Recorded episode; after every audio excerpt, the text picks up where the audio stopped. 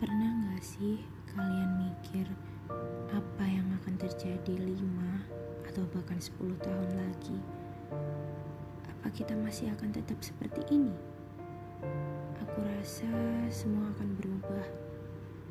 Mereka yang perlahan mulai menjalani hidupnya dengan bahagia bersama malaikat kecil mereka, bersama keluarga mereka. Mereka semakin menua hingga kita nggak sadar. Kita pun perlahan seperti itu juga. Kita mulai sibuk dengan urusan kita sendiri. Kita semakin jarang memperhatikan mereka. Kita menikah, lalu mempunyai anak, dan semakin lama kita akan semakin dewasa. Akan ada masa